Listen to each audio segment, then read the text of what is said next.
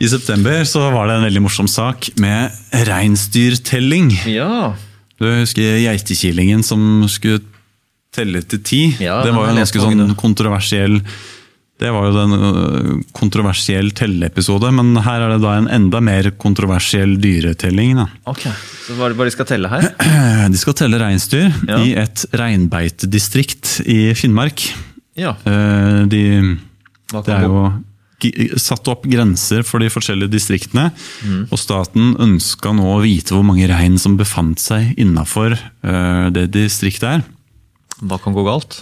Hva kan gå galt, ja? Vil du, vil du prøve å gjette altså Ifølge offisielle tall eh, så var det ca. 10 000-12 000 reinsdyr. Yes. Hvor mye penger kan man bruke på å telle de dyra? Vi, Vil du gjette? Vi lar de som hører på, få ti sekunder til å tenke over hvor mange millioner kroner det kan ha kosta. For jeg ser tallet foran meg her, Ja. så nå kan du si det. Det viser seg at for å telle de dyrene, og det viste seg jo, det var 15 000 dyr, så det var litt flere enn det som var oppgitt. Ja. Og det kosta 18,2 millioner skattekroner Helvete. å telle de dyrene. Det var det da? 1200 skattekroner per dyr. Er det 18 millioner i helikopter, da? Eller droner, eller noe? Ja, det, det var blant annet det, da. Eh, det, det var litt eh, leie en helikopter. Da går da Det koster penger. Ja. Men så kan du tenke, hvorfor fløy det ikke bare helikopter? Tok, tok noe flyfoto eller ta, ta noe bilde? Dra hjem og telle prikker på det bildet. Og det, det kunne man ikke. Man måtte ha folk på bakken også. Og da må du tenke, hvorfor skulle du egentlig telle det her? Det var jo pga. en mistanke om at forskjellige reineiere hadde, de ljuger om hvor mange rein man har. Så man måtte også sjekke merke, hvordan de var merka. Og Eh, Men hvorfor skulle da hver reineier ljuge om hvor mye rein man har? Og det går også tilbake til det at staten bruker ganske mange millioner i året på å erstatte døde, døde reinsdyr. Eh, Og noen vil jo mistenke at eh, Og det- hevdes jo at eh, kongeørn og gaupe og sånt tar masse reinsdyr. Jeg har prøvd å regne på det.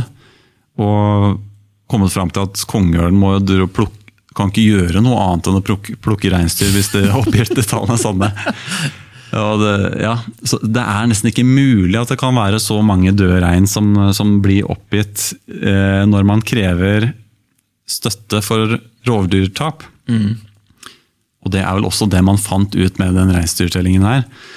At det er altfor mye rein på vidda, og de dør jo egentlig av at det er overbeite. Det er ikke noe mer, det er ikke noe mer mat for de å spise.